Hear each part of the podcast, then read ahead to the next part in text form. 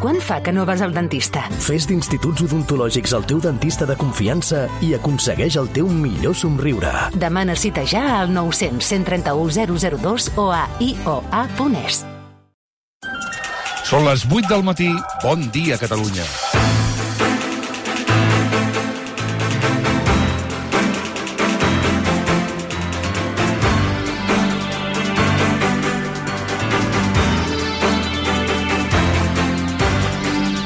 Alberto Núñez Feijó va néixer en un poble anomenat Ospeares, que pertany a dues províncies, a quatre ajuntaments i a dues diòcesis.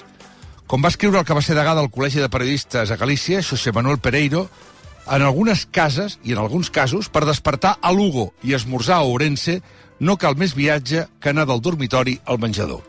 En aquest trànsit, el PP ha resat a Lugo i a Ourense sense contemplacions. Afecta Feijó a Galícia.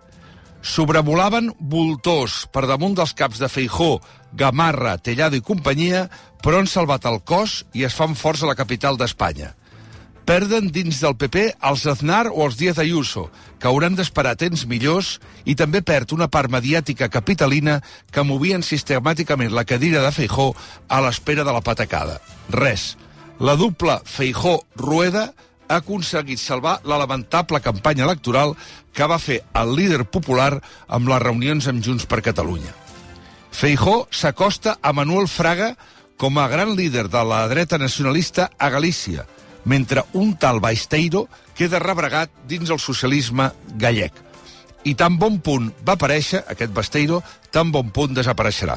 El Partit Socialista de Galícia perd bous i esquelles, perd també el vot útil entregat en braços d'una dona, Ana Pontón, que parla dels temes que interessen a Galícia i que no rebutja la seva ideologia ni tampoc la seva voluntat que Carles Puigdemont pugui tornar a Catalunya com més aviat millor.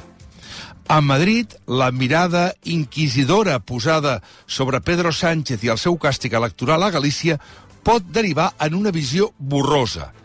És evident que el PSOE ha tingut una patacada, però si el votant socialista ha decidit castigar els seus per entregar-se en braços del BNG, del Bloc Nacionalista Gallec, vol dir que no té cap problema amb la llei d'amnistia, oi? Pontón, de fet, ha estat defensora de la llei i votarà a favor.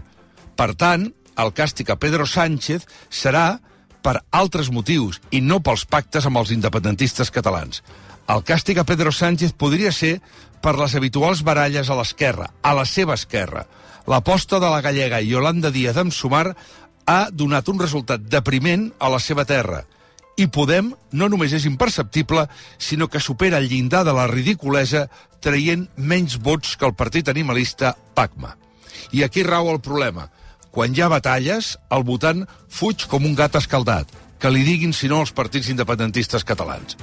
Núñez Fijó ve d'una família molt modesta en què el pare, que es deia Saturnino, treballava en una reconstrucció d'embassaments del riu Sil, l'àvia Elàdia regentava una botiga d'ultraverins i el seu avi Manuel treballava en un forn de pa.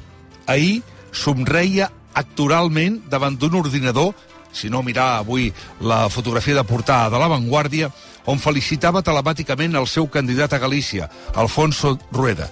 Al darrere, la claca, en Cuca Gamarra, Borja Semper o Miguel Tellado, entre d'altres. Si el BNG planta cara a una determinada Madrid, Núñez Feijó fa el mateix. Des de la Galícia més rural, planta cara a la Madrid més capitalina, més pija i també més processista. Són les 83 minuts, benvinguts al dia.